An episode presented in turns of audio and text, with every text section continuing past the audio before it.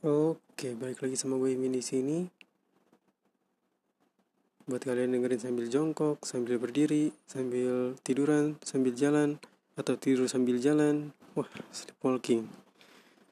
Oke, asal jangan sampai kalian dengerin gue sambil col, lok mata mak lu, dosa fix masuk neraka.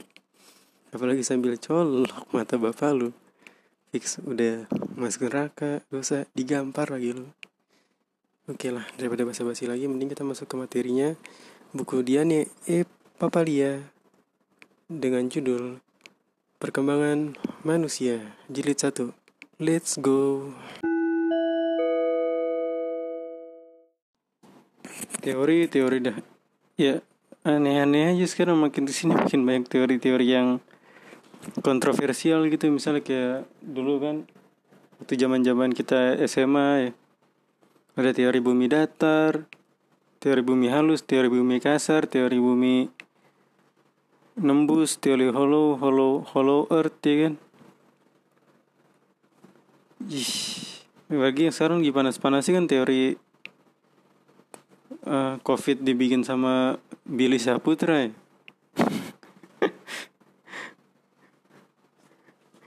Aneh anjir.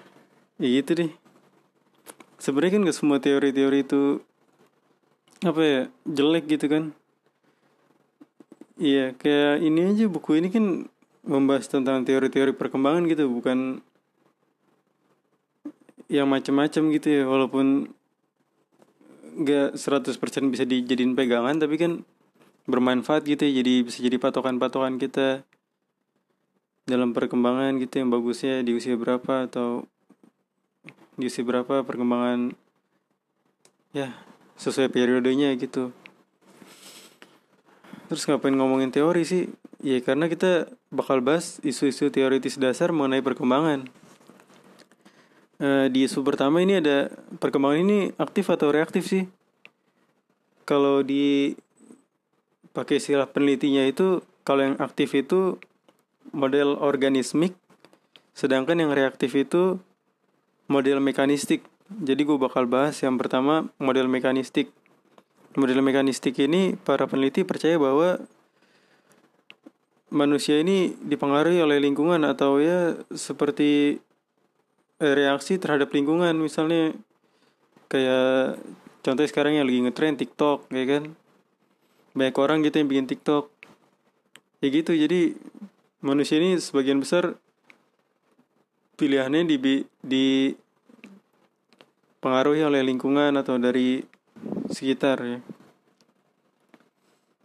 Sedangkan di model organismik atau aktif manusia ini dipengaruhi oleh internalnya. Jadi manusia ini punya inisiatif terhadap diri masing-masing gitu.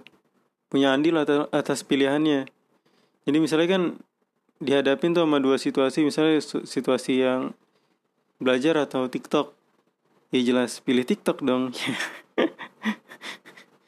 Jadi kan ya gitu deh. Pokoknya manusia punya apa ya kemampuan untuk memilih sendiri gitu apa yang dia mau gitu. Nggak seperti yang model mekanistik. Jadi manakah yang kalian percaya? Model mekanistik atau organismik? Ya itu terserah kalian. Namanya juga teori ya Hmm, di isu kedua, apakah perkembangan berkelanjutan atau tidak berkelanjutan?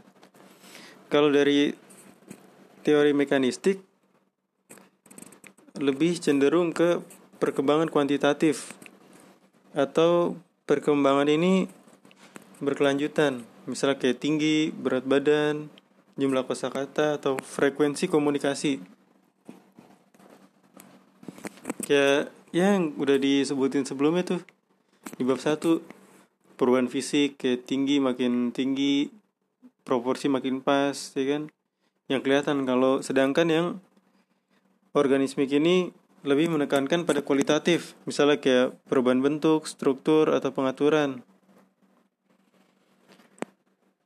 Ya gitu deh. Kalau kuantitatif ini lebih cenderung berkelanjutan, sedangkan kalau yang organismik kualitatif atau tidak berkelanjutan.